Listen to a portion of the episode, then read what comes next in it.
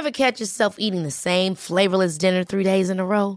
Dreaming of something better? Well, HelloFresh is your guilt-free dream come true, baby. It's me, Kiki Palmer. Let's wake up those taste buds with hot, juicy pecan-crusted chicken or garlic butter shrimp scampi. Mm. Hello Fresh.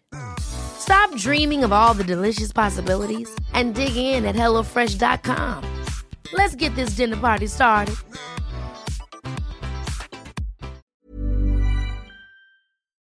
Nå er vi på Partisanmuseet, og det her har jeg gleda meg veldig til. I tillegg så har vi fått eh, eksperten sjøl, eh, Steinar, med oss. Når fikk dere åpna dette museet? I år 2000 var forsvarsminister Godal som eh, var og åpna museet. Ja. Og det var jo et, et stort ønske fra befolkninga her i Kiberg som mente at vi burde ha et museum her som fremheva partisanvirksomheten. Ja. Er det fortsatt sår eh, etter både krigen og etter krigen? Eller har kongen vært og eh, glatta over? Nei, det er nok mange sår ennå. Men eh, det er klart at det var en veldig viktig tale kong Harald hadde her i, i 92. Mm. Og det var jo en etterlengta unnskyldning for det som hadde skjedd etter krigen spesielt. Ja. Hvor de var blitt forfulgt alle de som hadde vært i Sovjet under krigen. Og, men ord og unnskyldning er jo én ting, og selvfølgelig stort når det kommer fra kongehuset. Men hva med den økonomiske delen? Fikk de eh, oppreisning? Nei, det gjorde de ikke. Og de, fikk, eh, og de fikk ikke noe synlig bevis heller på at de, eh, det var noen som var takknemlig for det de hadde gjort. Ja. Medaljer som de fikk i, i Sør-Norge, det, det, ble de ikke tildelt her på en sånn måte som noen av partisanene fikk det. Men det gikk 40 år, og da fikk de tilsendt en i posten. Og det var den laveste grad av medalje som gis til den som har vært med under krigen. Men skjønner folk i dag hvor viktig partisanvirksomheten var? Og, og vet folk i det hele tatt at denne delen av Finnmark ble frigjort av verdens største militærmakt ett år før resten av Europa? Det, de som er her i området her, de vet de kjenner nok godt til det. Men jeg har inntrykk av, spesielt i år, hvor vi har hatt veldig mye nordmenn som har vært på ferie her oppe. Ja. Og vi har hatt veldig mange av dem her på museet. Og de er, er veldig overraska over den omfanget som det hadde her. Og det at det var jo krig her hver dag. Det var jo angrep nesten daglig her med, med sovjetiske fly som kom over og bomma de, de tyske stillingene, og, og skjøt etter folk også. Skjøt etter de som bevega seg på, på bakken. Så eh, russerne skjøt på sivilbefolkninga? De skjøt kanskje ikke bevisst på, men de regner med at det kanskje var tyskere. Ja. De tok sjansen på at det, Og derfor gjorde det jo at det, det var mange som følte seg trua hele tida. Ja. Og det der med, med den bomminga og, og skytinga fra fly, det gjorde jo at det satte jo en skrekk i folk. Han, eh, Kjetil Korsnes i Bodø han har jo lansert at eh, antallet tyske soldater i Norge i, i denne siste perioden var mye høyere enn det som har vært offisielt. og Han ble antyda antallet oppi en, en million. Vet vi hvor mange som var her? Det som vi vet, i alle fall, at når de trekte seg ut av, av eh, Sovjet, så var det ca. 250 000 soldater. Som skulle, som, skulle, trekkes gjennom eh, Norge og Nord-Finland. Ja. Gjennom Norge videre sørover. Og det er klart at det, det er en voldsomt mengde, og i tillegg til alt utstyret de hadde med seg. Og, og hvor, hvordan var det de trekte eh, fra Litsa Litza og denne veien? De trekte seg i, sånne, i, i etapper, kan du si. Ja. Og russerne prøvde jo hele tida å lage sånn knipetangsmanøver, men der hadde tyskerne en egen evne til å slippe unna. Jeg har sett flere, flere reportasjer på og fått forklart mye om uh, Siden jeg har jobba i Forsvaret, så har jeg fått mye av den der, den der eh, spesielle måten som tyskerne hadde for å trekke seg ut akkurat i rette øyeblikk. Ja. Så det gjorde jo at veldig mange av dem berga seg på den måten, men i tillegg så var det jo mange av dem som ble drept på, på tilbaketrekninga. Vet vi hvor mange som, som omkom på, på Litsa? Nei, ikke, ikke, nøyaktig, men det, at det var 30 000-40 000 på begge sider, det, det, det er ikke noe urimelig tall, iallfall. Dette er jo ikke noe man lærer på skolen? Nei. Og det er jo det, det, er jo det som er et store problemet, at ingenting av det som skjedde her i nord, er kommet i lærebøkene til elevene på skolen. Nei. Og vi håper jo nå at det skal kunne komme med det store prosjektet som er i uh, Universitetet i uh, Tromsø. Hvor de har fått over 40 millioner til disposisjon for å belyse det som skjedde i nord. Du, eh, vi har jo med oss en Vi er så heldige at vi har med oss en artist her som, mm som slengte seg på. Du stilte et veldig fint spørsmål. som Jeg ikke, jeg er jo historienerd, så jeg ville jo aldri ha stilt det spørsmålet. Men eh, du, du spurte han Steinar Lars Erik, hva, hva, hva, var ditt første spørsmål her i Partisanmuseet? Nei, Du var jo inne på det. altså. Det er ingen som lærer denne delen av historien. Og for meg er jo det her ganske ukjent. Så mitt første spørsmål er jo hva er en partisaner? En partisan det er vel en, en person som er med i ei kampgruppe, som det har vært nede i Europa. Vi ser jo flere av landene i Europa som har hatt partisaner. Mm. De her eh, var nå betegna som partisaner, for det starta jo egentlig med en stor gruppe som var i, eh, kom i Lambones, ca. En, eh, ja, en par mil innafor her. Mm. Og, men dem, hovedoppgaven deres var jo å etablere etterretningsceller som skulle skaffe informasjon gjennom krigen. Men det var russere? Det var halvparten russere og halvparten norske som hadde rømt herifra i 1940. Mm. Her var, her var i 41. Var det her fra Kiberg? Det var her fra Kiberg, ja. ja. Mm. Kan vi også ta med det at, eh, at, at vi nesten ser over til Russland? At det, at det, ble et naturlig sted kanskje her? Ja, du ser jo, ser jo fjellene rett over fjorden. Det er jo 55 km over her. Så eh, det var jo enkelt for dem å rømme over dit. De hadde vært der ofte, for det her var jo fiskere. Mm. De fleste mannfolka var jo fiskere som var veldig ofte over på den sida, selv om ikke i gammel tid så var det jo ikke noen grenser, det var flytende grenser. Mm. Og da var de dit og, og, kjøpte de tingene de trengte til nødvendige livsopphold. Er det, er det Fiskerihalvøya vi ser på? Fiskerihalvøya ser vi også en del av fjellene helt innover mot Kirkenes.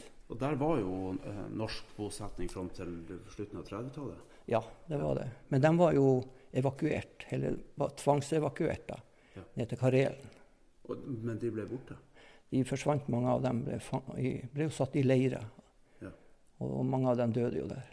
Selv om mange av dem har overlevd. Og vi har jo flere av, av etterkommerne deres som bor her i Vardø også, som vi kaller for Kola Nordmenn. Ja. Lars, du er oppe med handa. Du er på time her nå. Det er, ja. er det noen spesiell grunn til at museet ligger akkurat her på Kiberg? Ja, det er ganske naturlig. For flesteparten av partisanene de kom fra Kiberg. Ja. Okay. Og de fikk utdanning i Sovjet og var tilbake her og, og drev etterretning og meldte over. Er det noe spesielt dere ønsker å formidle med det dere viser fram her i museet? Er det noe spesielt dere har prøvd å fremheve, som dere ønsker folk skal, skal få med seg? Det er et inntrykk uh, når de er besøker her. Det er jo mange som spør hvorfor Russland? Hvorfor dro de ikke til Sverige? Og når vi ser på kartet, så er jo det ganske naturlig. Å dra 55 km over til folk som man kjenner, venner som er på andre sida istedenfor å rømme, rømme, til Sverige, som de gjorde sørpå. Og hvis de ser litt på de første bildene som vi har her, så er det jo ganske naturlig fra pomorhandelen. Så var det jo, det var jo kontakt hele tida over. De øverste bildene som vi har her, det er jo pomors skip som ligger på havna og kjøper fisk. Og vi hadde også russiske fiskere som bodde her på 1800-tallet. Ja. Og drev fiske her fra Kiberg. For der er fortsatt russiske brygger bortpå. Er det på Hanningberg de har eh?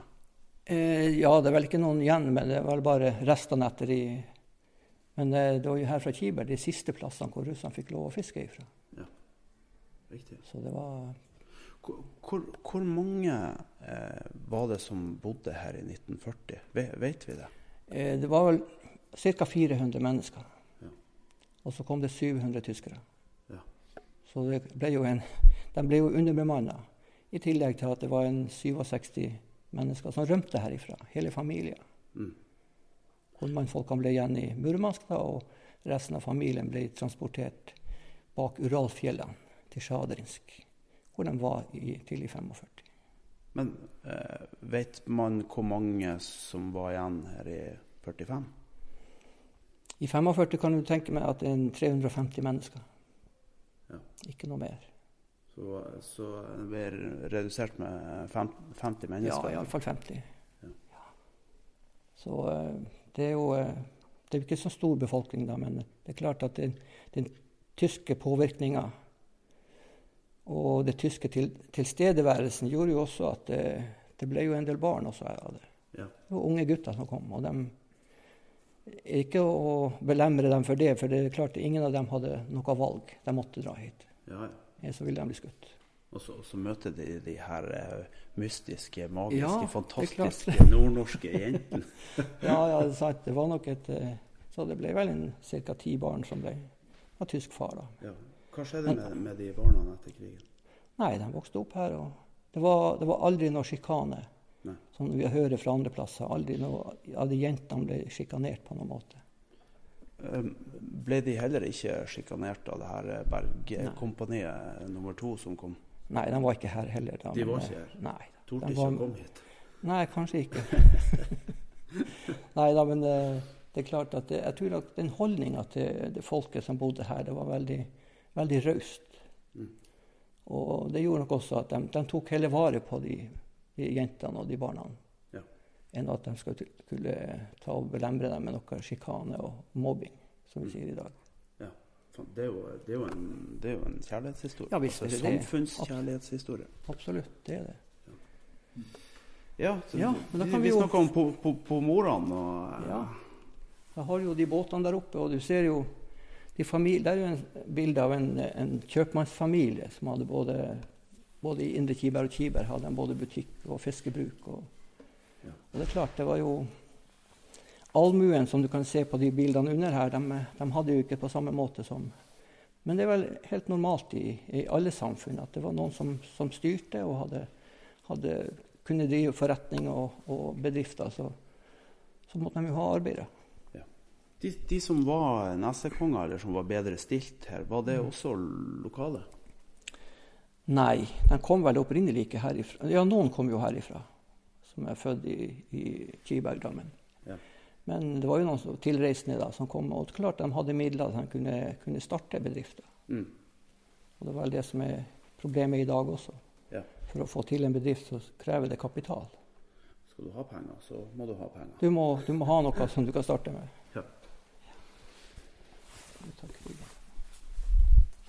Kan vi jo, og da ser dere jo bakgrunnen for hvorfor var det nær, nært å dra over og ha samarbeid med Sovjet i 1940. Ja. Så den første som dro herifra, Alf Mikkelsen, han var leder i kommunistpartiet. Så han dro over og hadde med seg et trekkspill. Var musiker, alle, alle Mikkelsen-familien. Ja. Og ingen visste om han hadde kommet seg over. Han rodde over her i 55 km. Hvilket årstall var det? Det her var 1940. 17. mai 1940 dro han.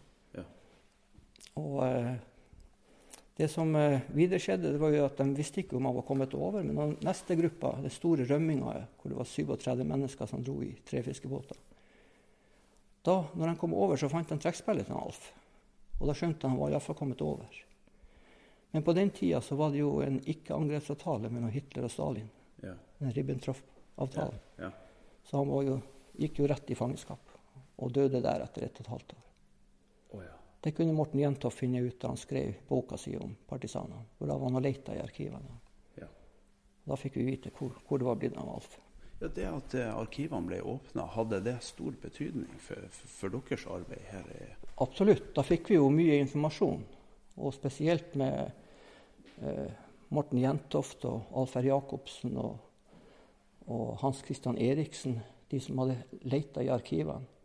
Da fikk vi jo ganske mye informasjon fra dem. Men eh, selvfølgelig enda er det veldig mye som vi ikke vet, og som vi ønsker å For vi har jo et samarbeid hvor vi skal prøve å skaffe flere opplysninger sammen med veterangruppa i Murmansk. Ja. Du, er, er arkivene fortsatt eh, åpne? De er nok ikke helt åpne, nei. Det er, det er mye som skal til for at du skal kunne komme inn der. Men vi har jo folk i den gruppa som vi jobber sammen med, som, eh, som eh, har muligheter da for å kunne skaffe opplysninger der. Vi har jo en dresskledd advokat bak oss her, han Remi Strand. Han har vel Jeg tror nok at han Remi Strand han, eh, ville ha problemer med å få komme inn i arkivene, selv om han er advokat. Men eh, vi har jo bl.a. en general som er med i den gruppa i Murmansk, og vært leder for KGB. Okay. Og den, det er jo han vi kanskje har forhåpninger om skal kunne slippe til. Du, blir man i dag i 2020 mistenkt for å være Russland-vennlig hvis man gjør sånn arbeid som dere gjør?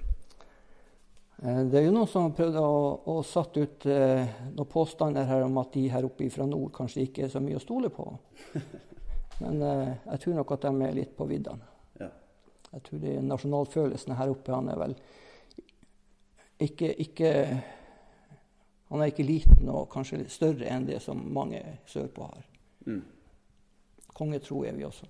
Ja, det, det har jeg merka i Finnmark. Ja, det er kongen. Ja, de har ei stor stjerne hos oss. Ja. Og det er bra. Ja, her er vi vi jo en kommet. del, en del eh, propaganda som eh, tyskerne prøvde å skremme folk med at de ikke skulle ha noe samarbeid med det de kalte for fienden. Vi ser eh, at russerne blir eh, portrettert som ape. Her er det er tyskerne som Ja da, det er dem som har satt opp noe sånt, og også sånn skremselspropaganda. Du betrakter ham som din alliert, men tror du han stanser ved kjølen? Hva det betyr? Det mente vel at han ville ta hele Skandinavia når han først var på tur. Ja, sånn, ja. Men det gjorde de ikke. Det gjorde de ikke, nei. De stoppa i Kirkenes og dro tilbake. Og den styrken som var der, var jo med og tok Berlin, blant annet. Det er vel det eneste i Russlands historie hvor de har frivillig trukket seg tilbake. Nei, de har ikke vært der. Russland har aldri angrepet Finnmark. Nei, jeg tenker på i, i I verdenshistorien. Ja. Ja, det hvis du ser nede i, ned i Tyskland, så er det jo, har det jo vært eh, en del gnisninger og, og konkurranse da om å få, få de beste forholdene for å, for å drive. Men uh, de er jo ikke kjent for å trekke seg tilbake. Det, det skal vi ikke si. Selv om de trakk seg tilbake fra Afghanistan også. Ja, Jeg vet ikke om det var så frivillig, men Nei, jeg var nå i Russland akkurat da, så oh, ja, så det? jeg studerte der borte. Gjorde du det? På, på 70-tallet? Nei. Det er nitt- 90-tallet. Nei, det var, ikke, det var ikke da, da, men det var bare fil filma da. Og, Ja, det var Rambo. Ja, Rambo. Ja. Så her har vi bilde av de jentene som satt og tok imot meldinger fra partisanene. som var, som var de, de satt på en plass like utenfor Murmansk og tok imot alle meldinger som var sendt fra partisanene. Ja. Alle de gruppene som var rundt. Og her har de blitt mer effektive. Her har de blitt mindre grupper nå. Og Ja, nå er det bare tremannsgrupper. og vi ser jo det kartet der med alle de punktene. Så er, det skal være 22 forskjellige grupper som var, eller plasser hvor de var på. og ingen i Kiberg, ifølge det kartet. De, de hadde ikke stilling her i Kiberg, da, men det var jo rundt kysten. Ja. Og mange som tror at eh, den informasjonen de skaffa, var bare ifra, fra kysten, det som skjedde på, ute på havet. Men like viktig var jo den informasjonen de ga på alt som skjedde på land. Alt tyskerne foretok seg Mm. i Nord-Troms og Finnmark, det ble sendt over. Ja. Og det var jo veldig viktig for dem, spesielt i forbindelse med den invasjonen fra Sovjet i 44, hvor de jaga tyskerne ut av Øst-Finnmark. Ja. Så det er veldig viktig informasjon for dem. Ja, for, for det her er jo nytt for meg. og Jeg ser at du eh, eh, har to eh, punkter inne i, eh, i, i Troms. Ja da. Fra Nord-Troms og Finnmark. An Andøya og, og Sørøya var jo I tillegg til selve Tromsø var det jo også partisaner som var inne. Sa du Arnøya eller Andøya? Arnøya. Arnøya, ja. ja. Andøya var litt lengre vei. ja. litt, litt lengre. Ja. Ja. Ja vi, hadde, vi hadde gode etterretningsfolk fra Andøya Ja, ja. som var med og senka. Tirpitz. ja, absolutt. Ja. Nei, altså det, det var skjedde veldig mye. og Jeg tror russerne var like så godt oppdatert som, som nordmennene i den perioden, og kanskje bedre enn den jevne mann. Ja. Siden jeg fikk informasjon fra hele kystområdet. Her har du en skikkelig, skikkelig eh, Sender, ja. sender. og- Kan vi sende radio ifra den her? ja, ja, hvis du har de rette mottakerne, så kan nok sikkert sende, sende radiosendinger. Men eh, den eh, fungerer vel kanskje ikke i dag. Men det var flere, flere sånne sendere hadde dem i hver gruppe. og kan tenke deg når de skulle lande fra ubåt i- med gummibåter Ja. og laste på land ca. 70 kasser med utstyr. Ja. For de skulle være der kunne være der oppe i et år. Ja. Det visste de jo ikke når de fikk avløsning. Da skulle de alle forsyninger med. Ofte så skjedde jo det at mye av det at de kullseila med gummibåten. Og mye av det forsvant i havet. Ja. Så det gjorde jo at noen av dem ikke fungerte, bl.a. på Sørøya. Ut på Åpnan utenfor Honningsvåg. Der var det jo, gikk den rett i havet. Okay. Du, jeg, jeg bare legger merke til at det står jo på engelsk på Ja, den ja. her eh, tra transmitteren her. Var det god kontakt med engelskmenn òg? Ja, de fikk jo forsyninger derfra. Ja, det gjorde det. ja. Engelskmenn og amerikansk. Det her var skikkelig internasjonal eh, operasjon. Det må du regne med. Ja, Ja. Det var mye utstyr derfra. Og det gjorde jo at kanskje de norske forsto mye av det, selv om de hadde god opplæring da, før de ble sendt ut på de oppdragene. Men de var, var underlagt russisk kommando. Ja, det var de. De var meldt inn i, i røde armé og i Nordflåten. Og, nå, og etter invasjonen i fi- eh, 44, eh, var det sånn at de kom under norsk kommando, eller forblei forble de under russisk De kommando? var under russisk kommando til de kom tilbake hit til Norge. Ja. Alle sammen. Da var de ferdig med det. Da var de ferdig med sin Ja, militære Ja, det var de. Og eh, noen av dem ble kanskje med i den, de norske styrkene som var med og jage, jage tyskerne ut av Finnmark. Mm. Og mange av, av de som var sivile her i området, mange fra Kiberg også, var jo med i de styrkene da, som, som pressa tyskerne videre ut av Finnmark. Bergkompaniet tenker på da. Dem, nei da, ikke bare dem, men sivile som, som meldte seg til tjeneste. Ja. Som hadde vært inne til førstegangstjeneste tidligere.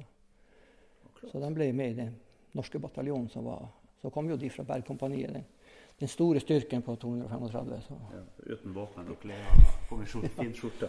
ja, og de, eh, de gjorde jo mye av seg også.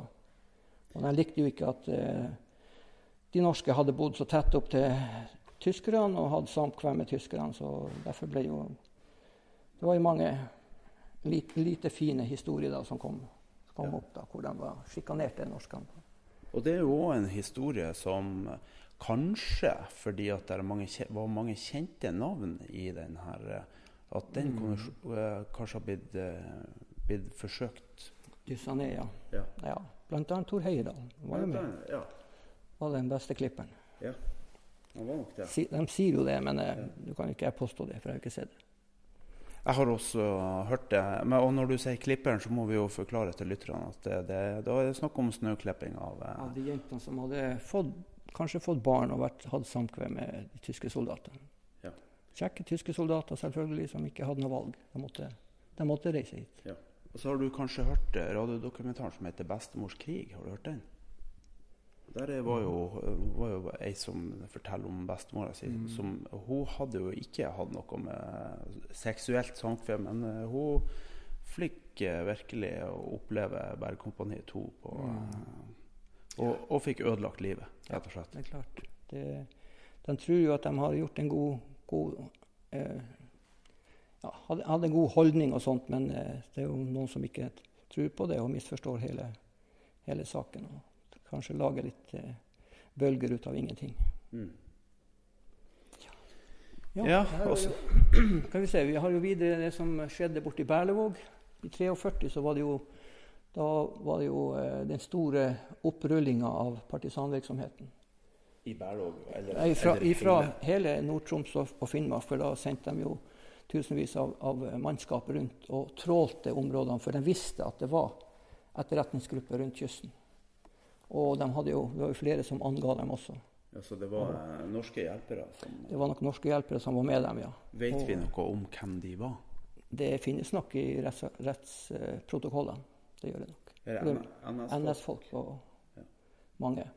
Hva- Sto NS sterkt i, i eh, Finnmark? Det tror jeg ikke. Nei.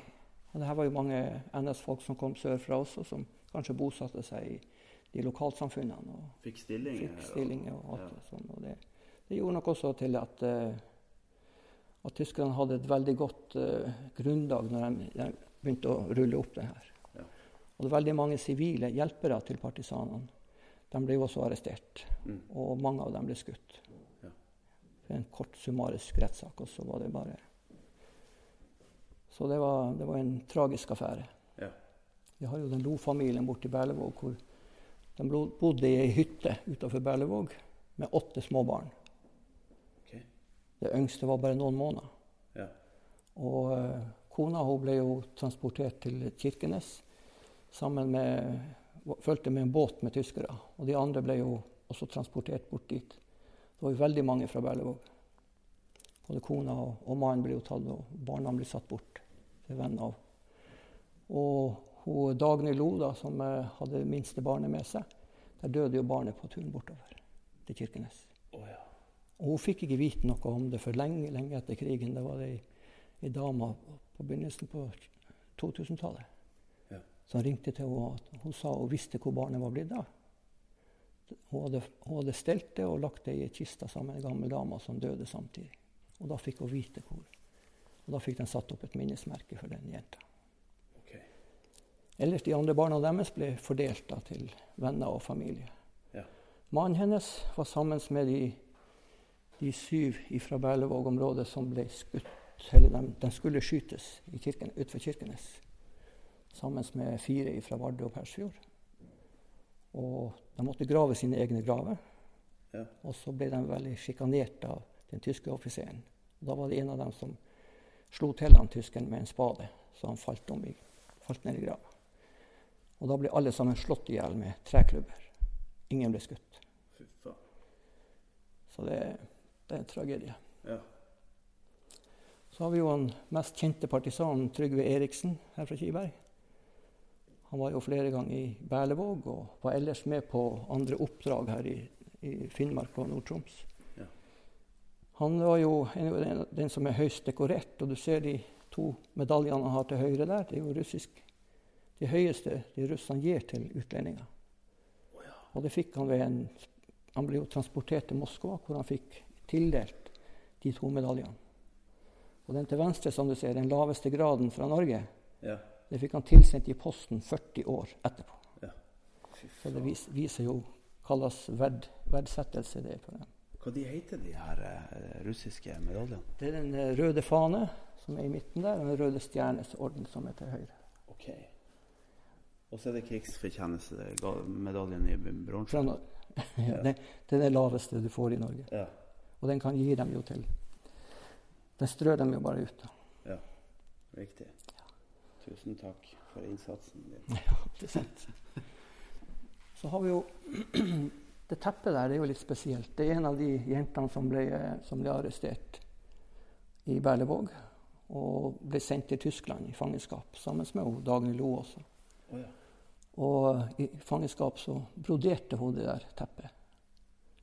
Veggteppet. Og så Det fikk vi hit til museet når, når vi åpna her. Ok. Der ser du hvor sterk nasjonalfølelsen er. Ja, altså, det er viktig for dem å ha flagget, norske flagget i midten. Men tror du de har følt seg oppjaga pga. begrepet 'god nordmann'? At, har, at, man har følt seg pressa til å måtte bevise at man var en god nordmann? Ja, det, vet, tror, det kan jeg ikke si noe om. Men eh, de hadde iallfall en nasjonalfølelse. Ja. Og det satt, satt eh, ganske dypt. Og det er jo Jørgen Sivertsen da, som har gjort det der. Da, det, de, en av de som, eller To av de som ble slått i hjel der i Kirkenes, de skrev jo et, et brev til, til, mora si som de fikk smugla ut før de ble transportert opp og skulle skytes. Ja. Kjære mor, takk for alt strevet du har hatt med oss. Vi vet ikke hvor godt vi har hatt det hos deg. Vi har satt stor pris på hva du gjorde mot oss. Du vet ikke hvor tungt det er å skrive det siste brev. Du må ikke ta det så tungt, mor. Vi går nå samme vei, både jeg og Erling, Ingolf og Gudvar. Du får ha det godt, mor. Du får hilse alle mine brødre og søstre og alle venner. Vi er kommet i den omstendighet at vårt liv er ikke langt nå. Det er bare minutter igjen. Hilsen Leif og Erling. Ja, det er sterkt. Ja, det er det er sterkt uh, budskap til mora som har tatt seg av dem i alle år. Men jeg følte takknemlighet. Ja. Det var viktig for dem å få skrevet det brevet. Ja. De der bildene der er fra et flyslip i Komodalen, de som var der i 41 og skulle måtte ha både mat og ammunisjon og våpen. Ja. Og det viste seg at flyslippet var gått på helt feil sted. Oh, ja. De fikk ikke, fikk ikke noe. Og han som er der, han var en av de informantene deres som måtte bli med dem tilbake til Russland, til Sovjet. For eh, de var jo angitt, så han kunne ikke dra hjem igjen. Nei. Og han fant det da etter krigen. Han har vært læreren, han har vært læreren min også her, i, her på skolen oh ja. etter Hva, krigen. hva heter han? Han heter Rikard Lind, eller Rikard Eriksen het han da. Så forandra han etternavnet til Lind senere. Å ja. Var det noen grunn til at han forandra navnet? Ja, det, jeg tror jo at det var en grunn. Ja. Han eh, hadde bestandig en pistol med seg når han gikk. I, han var veldig flink og ivrig å gå ut i fjellet. Ja. Så han visste jo aldri hva han møtte der. Nei. Det hadde han med seg Etter krigen? etter krigen. Da Ja. gikk han med pistol? Ja. Når han gikk i, fjellet og var på turer og sånn. Ja. Men ikke her på skolen, selvfølgelig. Nei. Men, men hadde, var, det en, var det en reell redsel han hadde, eller, eller var han ødelagt av krigen? Det vet jeg ikke, det kan jeg ikke si. Men uh, han hadde vel en, en frykt, for de hadde jo skrevet under en, en uh, ed som Eller en, en uh, taushetserklæring om at de ikke skulle røpe hva de hadde vært med på. Og det hadde han skrevet til Russland? Det måtte de fleste skrive under da, før de, før de eh, dro derfra. Ja. Akkurat. -hmm. Mer medaljer? Ja, her er jo Det der er egentlig en medalje som er fra en av Terentjev-familien som, har- som har gitt. De, eh, de var jo, vokste jo opp i, i Russland og kom da, flytta hit til Norge. Og da hadde han gjort tjeneste hos, eh, hos tsaren i Russland. Hos tsaren? Ja. OK. Så da han kom hit, så fikk jo, ville de gi den medaljen hit til, eh, til museet. Og her er jo noe av de samme medaljene som vi ser der borte. Da, på.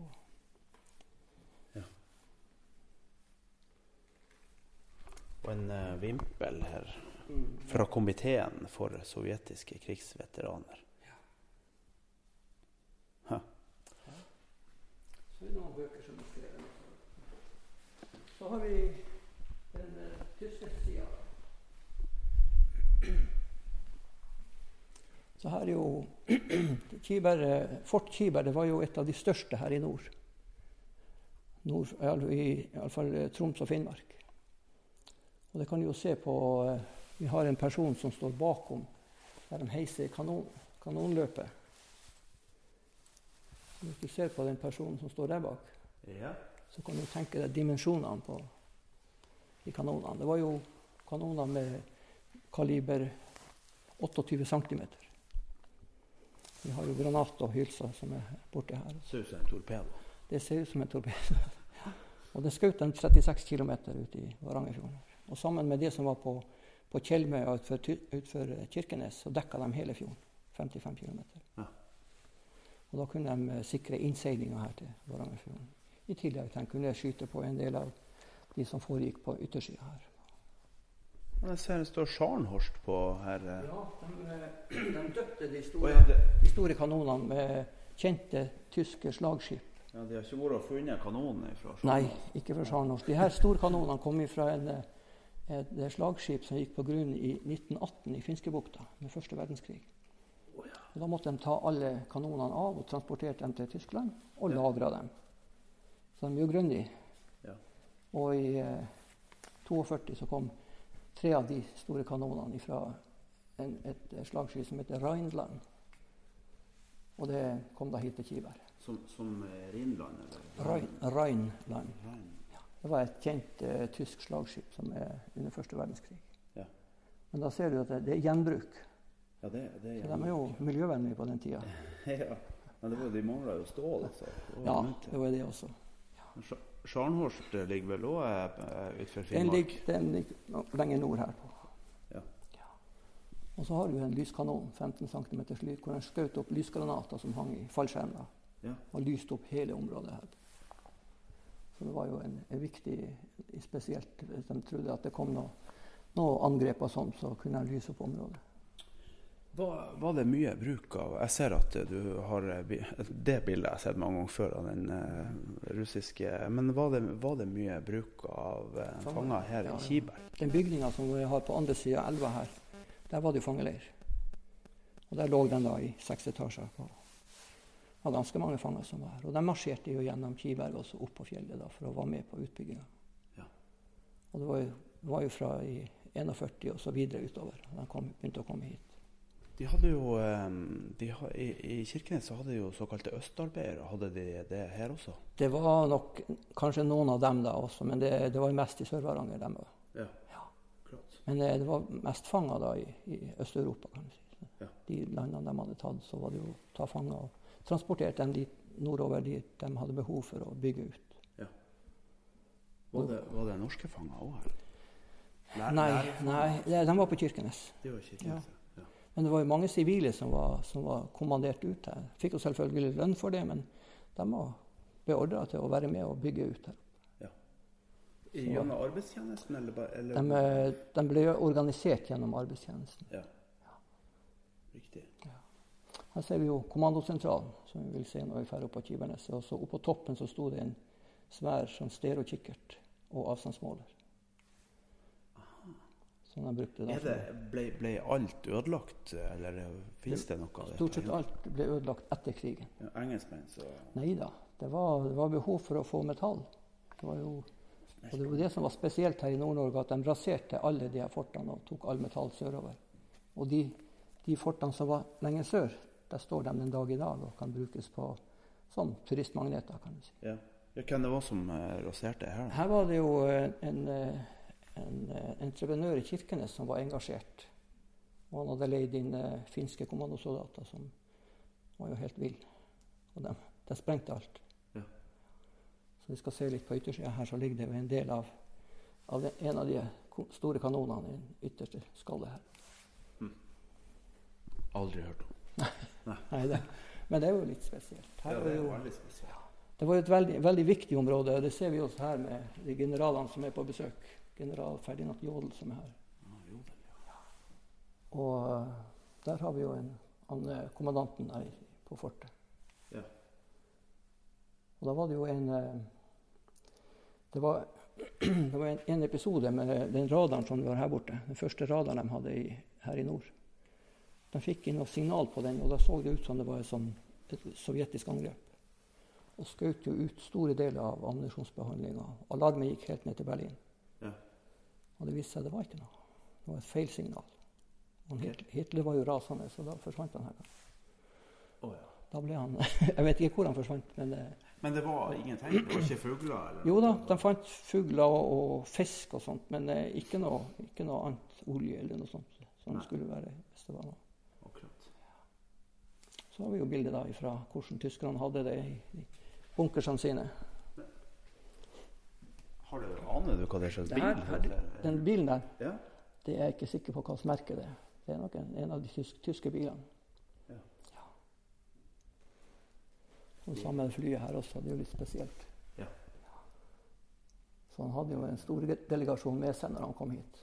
Ja. Det var jo flere generaler med han. Det var det jo. Her bak står det jo en, Da. står det en på baksida der. Er, er det generaler? Ja, det var, det var tror, to generaler som var med han, i tillegg til flere andre journalister. Og, så de bildene her er jo fra Bondesarkivet i Tyskland. Ok. Det var et eh, viktig område for Tyskland. Det var det. Det er klart at det området her hvor du ser over til Sovjet, Ja. fienden deres, Ja, ja. så var det et veldig viktig område for dem. Og her eh, har vi litt eh, våpen. Ja, det har vi de tyske Schmeisser. MP38 og MP40. De her to. Dem har faktisk jeg har vært med og brukt når jeg var inne til førstegangstjeneste. Oh ja, ser du det. Ja da, da brukte vi jo en del av de der. Hvordan er rekylen på den der? Nei, det er ikke mye.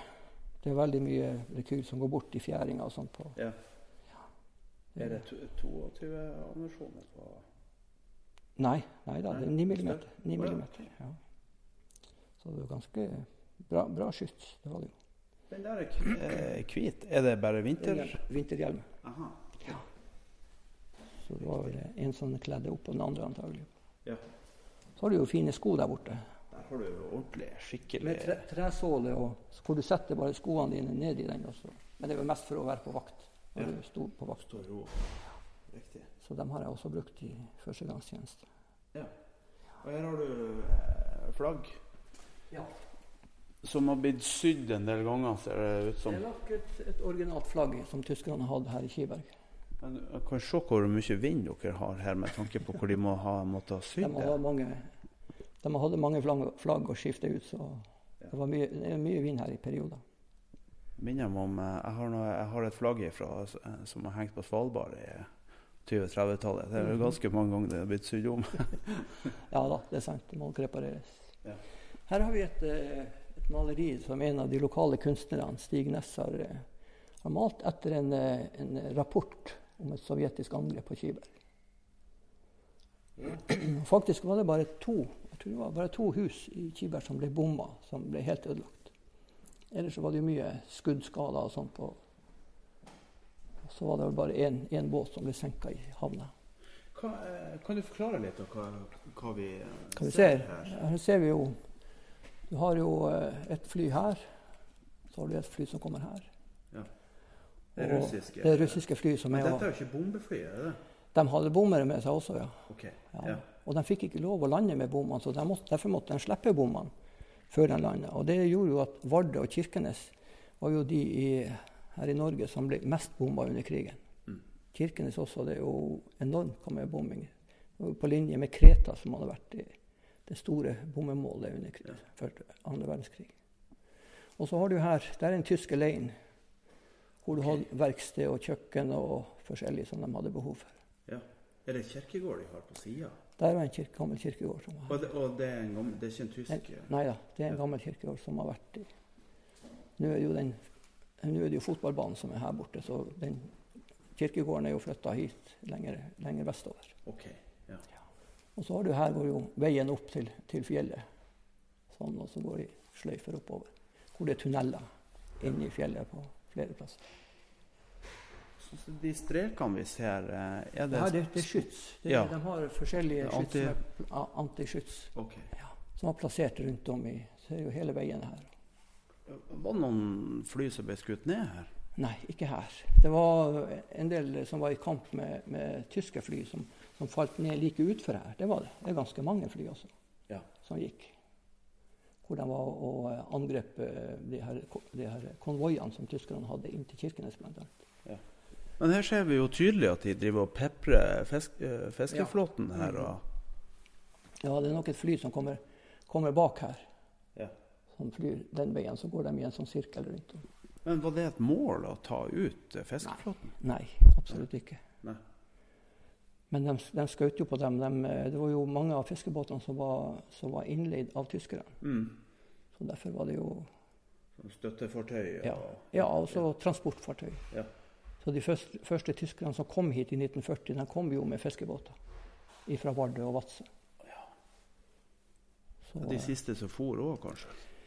Ja, nei, de var, de var henta her av, av tyske fartøy som kom her, og så henta dem i, i 44, oktober, slutten av oktober i 44.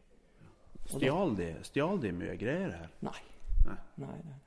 Det var ikke noe, jeg har ikke hørt at det har vært noe problem Møbler og sånne ting? Nei. Nei, ingenting.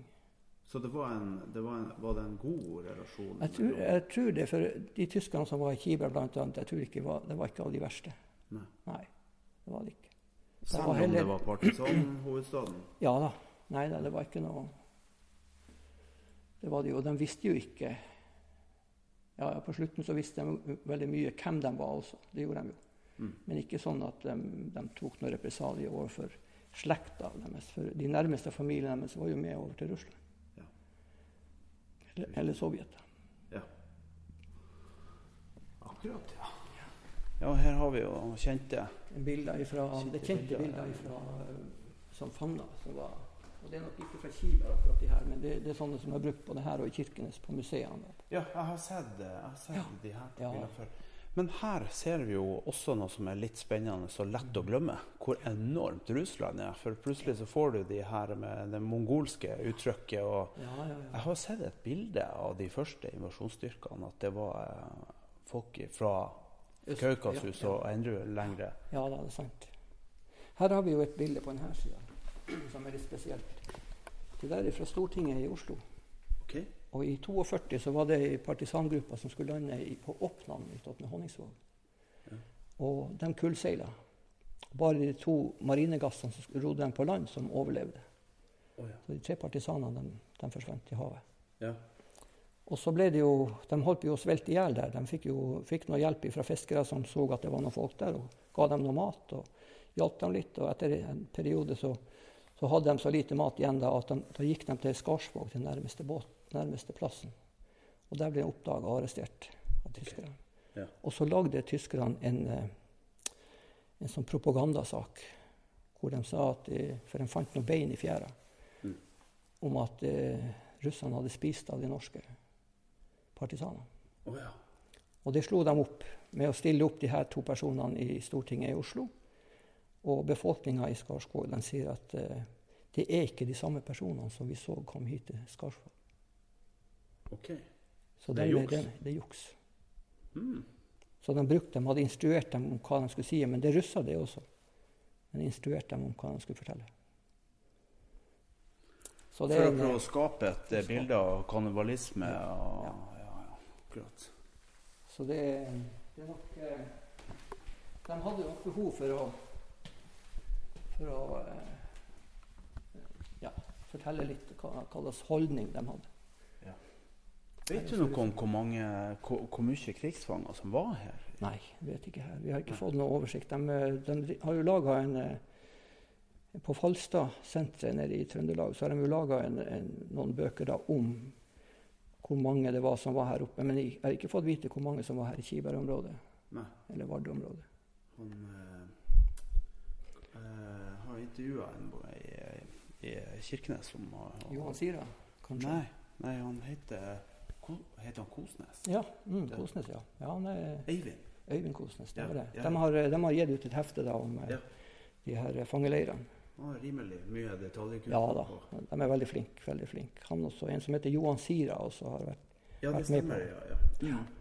Så, men jeg har ikke fått noe, noe tall på hvor mye det var her i området. Nei. Men så vet du hvordan de hadde det i forhold til andre, andre plasser? Nei, jeg vet ikke. Jeg tror, jeg tror, nok ikke de hadde blant de verste her i Kiberg, iallfall. For um, det hendte jo at uh, eh, befolkninga i Kiberg kasta noe mat inn til dem, for de hadde jo veldig lite mat. Det hadde de. Mm. Og da hendte det jo at tyskerne bare snudde ryggen til. Ja. Men hadde, hadde, folket her bra med mat eh, under krigen?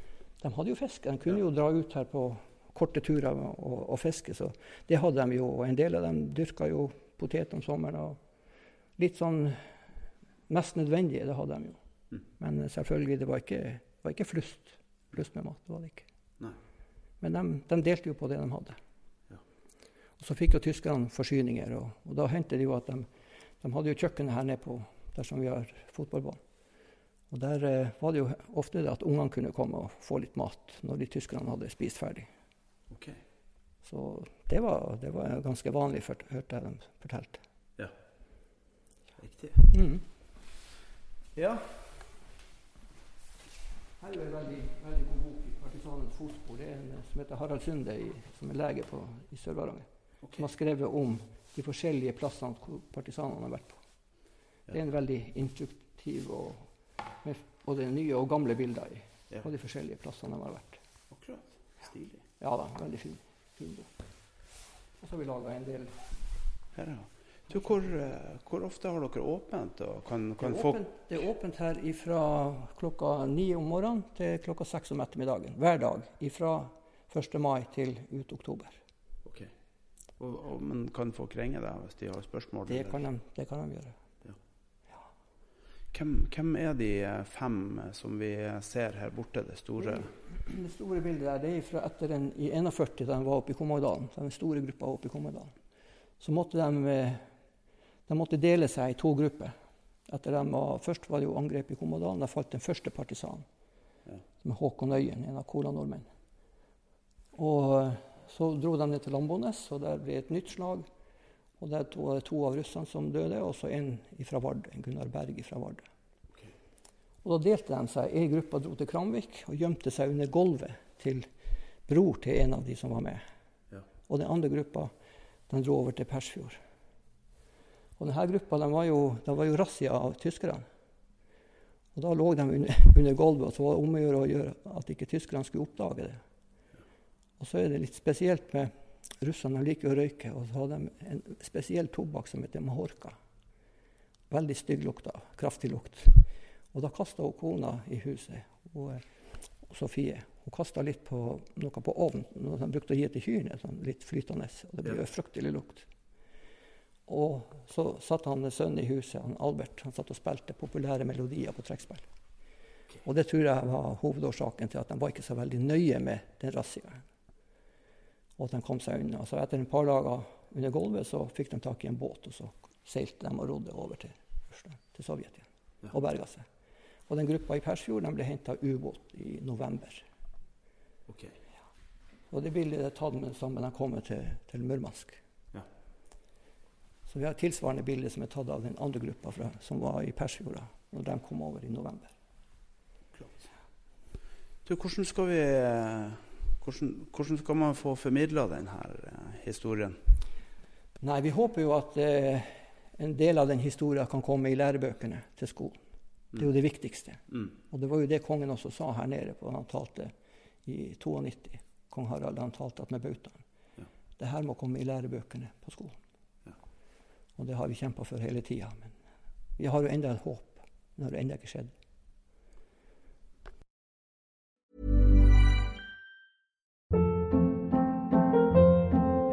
Hold up. What was that? Boring. No flavor. That was as bad as those leftovers you ate all week. Kiki Palmer here, and it's time to say hello to something fresh and guilt-free. Hello Fresh. Jazz up dinner with pecan-crusted chicken or garlic butter shrimp scampi. Now that's music to my mouth. Hello Fresh. Let's get this dinner party started. Discover all the delicious possibilities at hellofresh.com.